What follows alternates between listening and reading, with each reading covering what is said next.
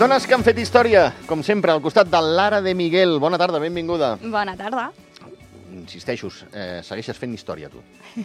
Moltes gràcies. Almenys avui ja vinc recuperada i, Sí. i amb bona veu. Sí, ens va canviant la, la veu. Sí, sí, sí. Però- Encara arrossego tos, però Veus? Sí, sí, sí, sí. Jo vaig estar... dies i dies, sí, Sí, sí, sí, jo també. sí, sí. Jo també, jo també. En fi. Uh, una dona molt important avui. Sempre, eh? Però la d'avui, ostres. Uf, mira, ostres. et diré, quan vaig estar pensant sobre ella eh, i, i buscant informació, no? Pensava, ostres, em sembla que és la primera vegada que sento que m'hagués encantat poder, poder dir-li amb aquesta senyora, ostres, vull fer un cafè, eh, perquè és que segur que hagués sigut interessantíssim mantenir una conversa amb aquesta senyora perquè de veritat que ens hem de treure el barret amb el que va aconseguir ella i només ella. I torno a repetir, només ella eh, per la història de les dones, no? Al cafè Gijón hauries d'haver fet aquest cafè, ja, per acabar-ho de rematar. De rematar. Sí, sí, sí. Doncs uh, suposo que ja ho hauràs dit en el sumari. I com ja tenim habituats en els nostres oients, començarem amb Vinga. una de les seves frases cèlebres. Vinga, va. Que és la llibertat s'aprèn exercint-la. Molt bé per Clara Campoamor. Molt bé. Estem a principis del segle XX, és a dir, Mhm. que encara hi ha una cultura molt arraigada de que la dona eh, només pot servir per les tasques de la llar. Correcte. És a dir, que aquesta frase, la llibertat s'aprèn exercint-la, eh, per mi, doncs, mm, ve veient la situació i que eh, Clara Campoamor doncs, vivia en aquesta societat tan masclista a Espanya encara, Mm. doncs que algú s'atrevís a parlar de llibertat, no? Eh, Ja. ja, ja era a arriscar-se tant, moltíssim, i tant. no? Sí, sí, sí. sí, I sí. després una altra de les que deia mm, i que s'arriscava encara més era uh, república, sempre república.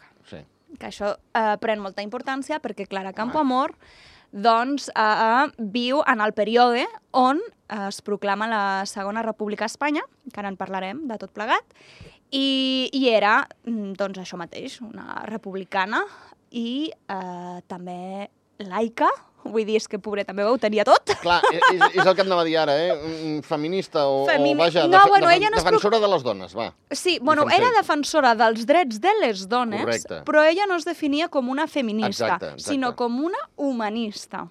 Però clar, eh, humanista amb aquests eh, tins... Sí, sí, eh? progressista. Clar. Perquè, clar, si ets republicana, doncs ets progressista. I, a més a més, a més a més, ja per posar-li la guinda al pastel, Mm. eh, doncs laica, no? Vull dir, tot el que no s'esperava d'una dona, doncs això mateix era Clara Campoamor. Bueno, també en parlarem, però això la va portar que després de la Segona República va venir el que va venir i va venir el que va, Va venir, venir. i que més ajudeu-me. I que més ajudeu-me. I a més a més, bueno, ara en parlarem, però a més Sí. a més amb el que va venir després, Sí, eh, bueno, va ser un fort motiu eh, doncs, el que el senyor Franco va... No cal ni dir el nom, no? El que aquest Mm, senyor, surt. doncs, sí, sí, aquest senyor després, eh, quan ja inclús es va acabar la... Bueno, evidentment que es va acabar la república, sí, sí. no? I, bueno, va treure inclús unes lleis eh, directament en contra dels masons i Clara Campoamor ho era. Ah, és que tot, I tot, això ho va ser tot. un dels motius pels quals després no va poder tornar. Però ens n'estem anant per les rames, anem Sí, cronològicament, va, sí, va. Xavi. Va. Comencem, va. La Clara Campoamor va néixer a Madrid un 12 de febrer Val. de 1888. Perfecte. O sigui, aquest diumenge se celebra el seu aniversari de naixença. I era advocada i diputada. Molt bueno, bé. va ser moltíssimes coses, Sí. però a grosso modo direm que Exacte. és advocada, bueno, va ser advocada i diputada. Uh, evidentment la podem anomenar una de les pioneres més importants en el món de la política espanyola, evidentment del segle passat, Sí. perquè va aconseguir que a la Constitució de 1931 s'inclogués els mateixos drets electorals sense distincions ni matisos entre dones i homes. Concretament, Vinga. a l'article 36, que deia el següent. els ciutadans d'un i altre sexe, majors de 23 anys, Sí. tindran els mateixos drets electorals segons determinin les lleis. Molt bé, molt bé. Que Això era molt difícil aquella època, eh? Molt, molt, Molt difícil. difícil. Bueno, dif- difícil no, dificilíssim. Hem de dir, a més a més, que Clara Campoamor no només va lluitar pel sufragi universal, Mm. sinó que, a més a més, també va intentar lluitar eh, perquè les dones tinguessin dret al divorci, Sí. a més a més, perquè els nens il·legítims fossin reconeguts i també va intentar, doncs, eh, abolir la prostitució. I va fer alguna miradeta en l'avortament, també, no? Sí, sí, sí, sí, sí. Però, bueno, ara seguirem. Va, Clara Campoamor era d'origen humil, que això també s'ha de matitzar. És a dir, d'origen humil. Sí, sí. Vull dir... I, a més a més, des de ben petita, malauradament, amb 10 anys va perdre el seu pare. Que Carai. això va comportar que hagués de deixar els seus estudis, l'escola, per ajudar a casa, que la seva mare era costurera. El seu pare, fins que va morir, era comptable i la seva mare era costurera. Val. I amb aquesta desgràcia doncs, va haver de deixar els estudis doncs, per ajudar amb la subsistència de casa seva, fins que amb 26 anys aconsegueix eh, la seva, un- una feina de professora de mecanografia. ah, mira, molt bé. Sí, sí. A més a més, eh, com ja hem comentat, va, ten... va passar per diferents eh, feines, i... però sempre molt vinculades en el món de l'administració pública. D'acord? Uh, però bueno, ella sempre havia tingut un especial interès en la inferioritat jurídica de la dona en el context social i polític que evidentment era dominat pels homes. Sí. El seu punt de partida, sobretot, va ser la igualtat jurídica, política i social de totes les dones espanyoles. I és per això Mhm. que va emprendre la lluita en contra d'aquesta injustícia, reprenent de nou els seus estudis, perquè ella tenia molt clar que sense formació i sense eines no podria revertir aquesta situació. Així que amb l'edat de 32 anys decideix uh, llicenciar-se en dret. I en només 4 anys, és a dir, des del 1920 fins al 1924, amb només 4 anys, repeteixo, va aconseguir obtenir el títol de batxillerat i la llicenciatura de dret. Déu-n'hi-do. I tant. I es va convertir en la segona dona en col·legiar-se, eh, bueno, en incorporar-se al Col·legi d'Advocats de Madrid. Des... Estic, estic convençut que tens la primera dona. I tant! Bé, Sí, sí, sí, sí. sabia, La primera dona va ser la seva col·lega, la Victoria Kent, Val. Que té la marinera. Ara parlarem La de la senyora... La, la senyora Kent, ara en parlarem d'ella. Val. Sí, sí. Uh, però, bueno, en un inici eren uh, molt... mm, Bueno, eren companyes, a més a més penso que amigues, doncs perquè tant l'una com l'altra defensaven aquests drets de les dones. Val. El que passa és que més tard, per sorpresa de Clara Campoamor, eh, la senyoreta Kent Mhm. decideix eh, treure-li el recolzament amb aquests drets de les dones. Ara en parlarem. Ui, ui, ui. Sí, sí. Llavors, podríem dir que Clara Campoamor té el doble mèrit d'haver arribat a la política doncs per ser dona i, a més a més, per haver-ho fet des d'una procedència humil Mhm. i amb l'edat amb la que ho va fer, no? Perquè una altra persona hagués dit, mira, doncs jo ara Sí, ja em considero gran. la tovallola, sí. Exacte. I, a més a més, recordem una altra cosa, si us plau. Les dones tot just, tot just accedien a les universitats. Sí, és sí, a dir, que és no... altra. Sí, sí, Exacte. és I és més, us diré encara més. Uh, ella era advocada, però en aquella època no se'ls deia advocades. Se'ls deia l'advocat Clara Campoamor. Ni tan sols estava feminitzat Mhm. el, el, el títol. Imagina't. Imagina't. Així que, bueno, uh, tornem a reprendre doncs, que el 14 d'abril de 1931 es proclama la Segona República Sí. i en aquell moment, Xavi, existia el sufragi passiu. Per qui no sàpiga ara mateix Vinga, va. què significa el sufragi passiu, Sí. vol dir que les dones podien ser escollides, podrien tindre eh, representació al Congrés, Val. però no podien votar. Ostres. Exacte. Tenien aquesta representació passiva. I en aquell moment el líder del Partit Radical, Alejandro Lerroux, li ofereix un lloc a la candidatura de les eleccions del 28 de juny d'aquell mateix any Sí. per, les, per participar a les Corts Constituents. Val. És a dir, la funció de les Corts Constituents en aquell moment entre altres coses, era Mm. la, re, la... Bueno, se'ls va encomanar en els membres d'aquestes corts la confecció del borrador de la Constitució Déu-n'hi-do. Que no tenien una Constitució, no s'havia fet una revisió de la Constitució des de feia més de 50 anys. És a dir, una responsabilitat tremendíssima. Mhm. I la única dona participant d'aquestes Corts Constituents va ser Clara Campoamor. Val. O sigui que ara li tocaria també revisar la Constitució a l'estat espanyol, però perquè ja fa més de 50 anys. No, no, em No, refereixo que en el 45. 1931 ja feia més de 50 anys Sí, sí. que no es revisava. Ara no sé des de fa qu- quan que la Constitució no es revisa, no? Eh, però tu imagina't entrar en una sala que no sé quants homes deuen haver-hi allà, decidint el futur de tots els ciutadans espanyols, Uh -huh.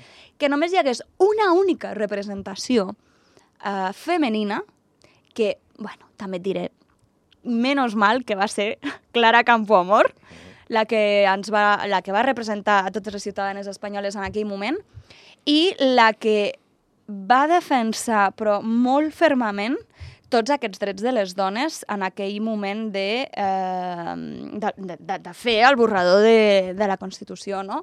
Val. Uh, evidentment que se li van tirar al damunt. No, clar, evidentment que va ser molt complicat uh, arribar a un acord. És més, no van arribar a un acord i com que no van arribar a un acord es va haver de votar en el Congrés. Val.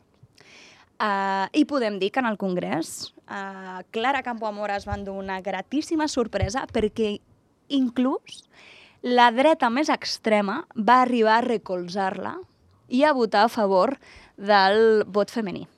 Que això sí que va ser també Això una fita notícia, històrica. Això és notícia, sí, sí. No, no, això sí que també va ser una fita històrica, no?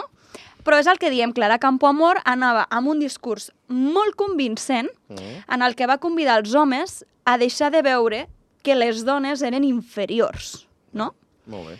I en aquell moment, que si no m'equivoco va ser l'1 d'octubre, on, es, on el, el dia que, es, que van al Congrés a votar, a votar els articles de la Constitució, doncs es va trobar amb la sorpresa que comentàvem abans de que Victoria Kent... La que va, Va- estudiar amb ella i eren amigues. Exactament. Val? Sí. Eh, És a dir, en el Congrés només hi havia com a dones, Mm. mm. elles dos, només estaven elles representant a totes les ciutadanes eh, espanyoles.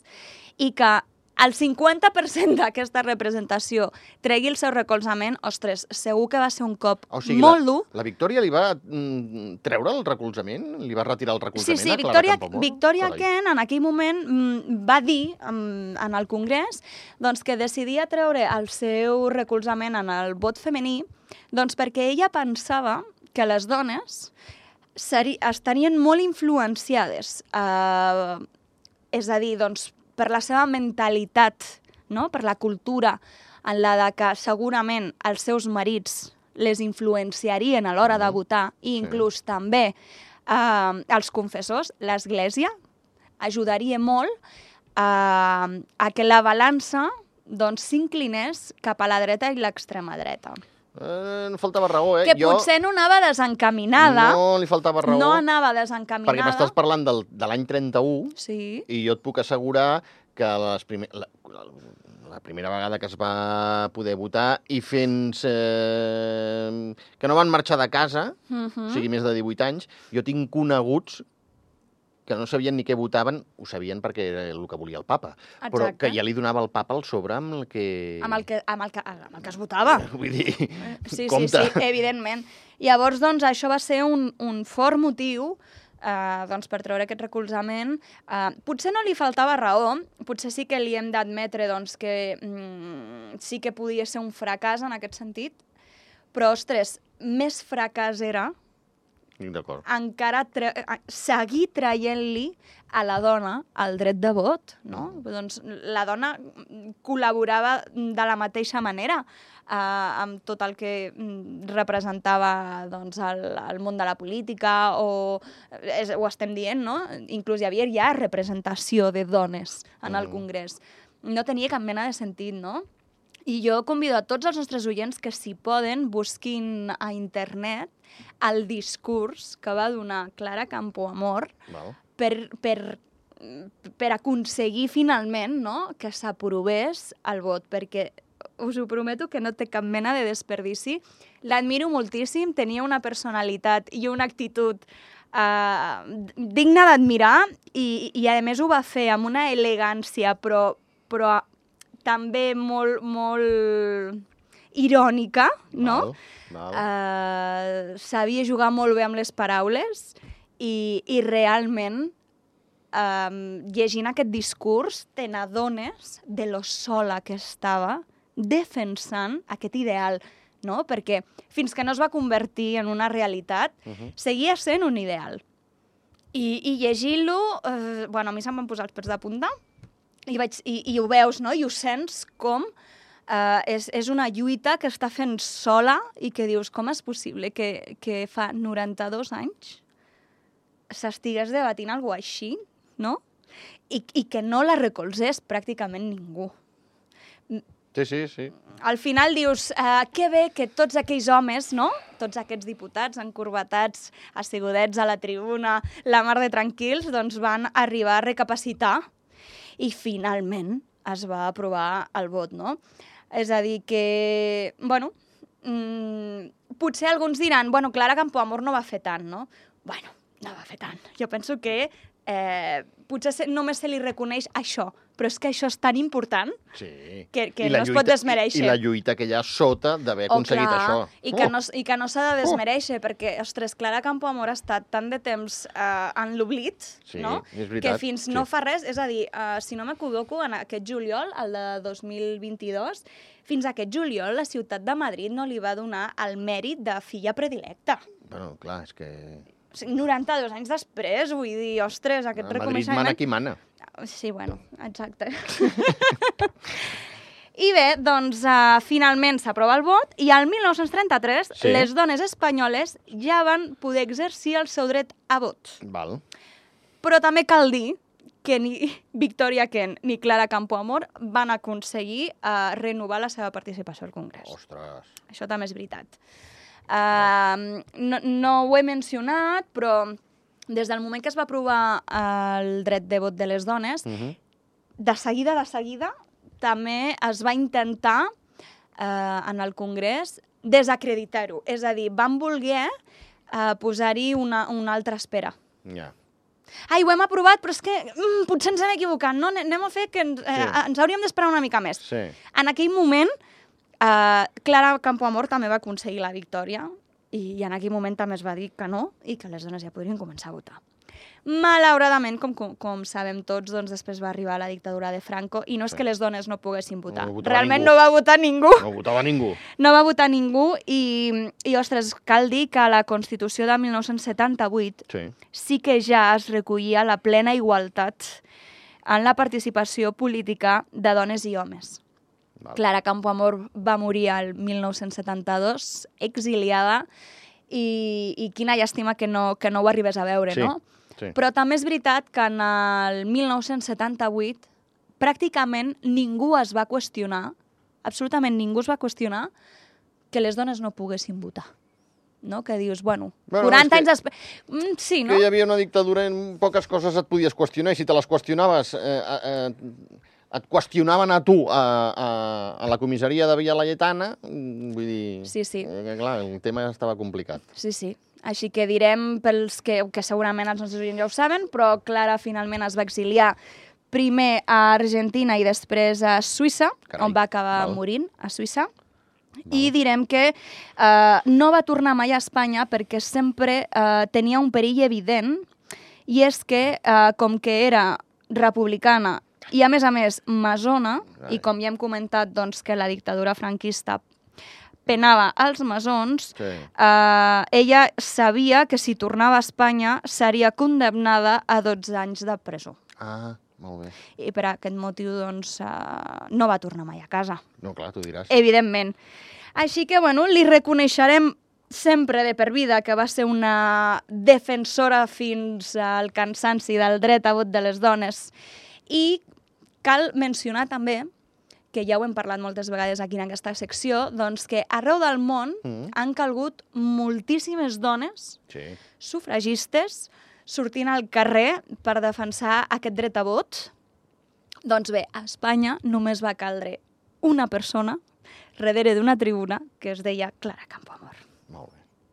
Molt bé. Molt maco, Sí, sí, sí. molt maco. A la que se li ha d'agrair, doncs, aquesta avença, no? Perquè també és Sí, veritat sí, sí, sí, tant. També podríem dir, no?, que, ostres, eh, estem parlant de 1931 i ara que estem al 2023, podríem dir que eh, la societat potser no ha avançat massa més, no?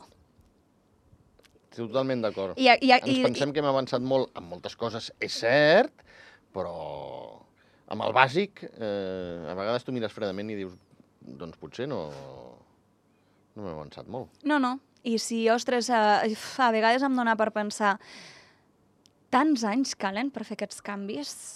Uf. És així, és així. Mm. Sí, sí, malauradament. Costa, costa. Així que, bueno, doncs per acabar la secció, Va. recomanaré a tots els nostres oients Sí? perquè, evidentment, Clara Campoamor es va exiliar, però no es va exiliar mm, creuada de mans. I Clara Campoamor eh, va arribar a publicar diverses novel·les. Jo animo fermament als nostres oients a que eh, puguin llegir fragments d'aquestes novel·les perquè realment donen molt de gust Val. i, i així eh, t'impregnes no, d'aquest pensament que tenia, Uh -huh. exquisit, eh, escrivia molt bé, i, bueno, clar, si ets feminista, Encara ho trobes més bé. exacte, sí, sí, encara ho gaudeixes molt més, no? Uh -huh. Bueno, jo vull pensar que ho, eh, ho hem de poder gaudir a l'igual homes i dones. Feministes i no feministes i... Bueno, clar, qui, qui se'n vagi a un extrem ja malament rai, no, d'homes? Però vaja, Exacte. un home ho ha de poder gaudir, també, Sí, carai. jo, jo penso que a dia d'avui eh, hi ha homes que llegeixen eh, relats o novel·les feministes i arriben a gaudir-les perquè I entendre. Entendre Si perquè no ho tens massa clar, entendre-ho. entendre-ho i, a més, assimilar-ho i acceptar-ho. Finalment, un home viu envoltat de dones. I qui no tant. té una germana? Qui no té una mare? Qui no té una filla? Qui no té una cosina, no? És a dir, que, que ajuden molt a entendre també uh, l'altra meitat uh, de la població mundial, no? Sí, sí, sí, sí, tal qual. En fi, eh, Lara, una persona que va lluitar molt, que malauradament la lluita se li va acabar ràpid perquè va haver-hi un personatge que va voler fer una guerra civil, Correcte. va estar allà enquilosat més de 40 anys, Correcte. es va fer una nova Constitució el 78, que com a mínim això sí... Que Es va arribar a reconèixer. Es va arribar a aprovar, però vaja, també 45 anys han passat d'aquella Constitució, també se li veuen mancances. Però bueno, si ha de passar com Clara Campoamor, que amb 50 la canvin, amb 50 anys, mira, ja queda No poc. està, no està malament. Ja queda poc. Sí, sí, sí. Lara de Miguel, gràcies. A Que vosaltres. vagi molt bé.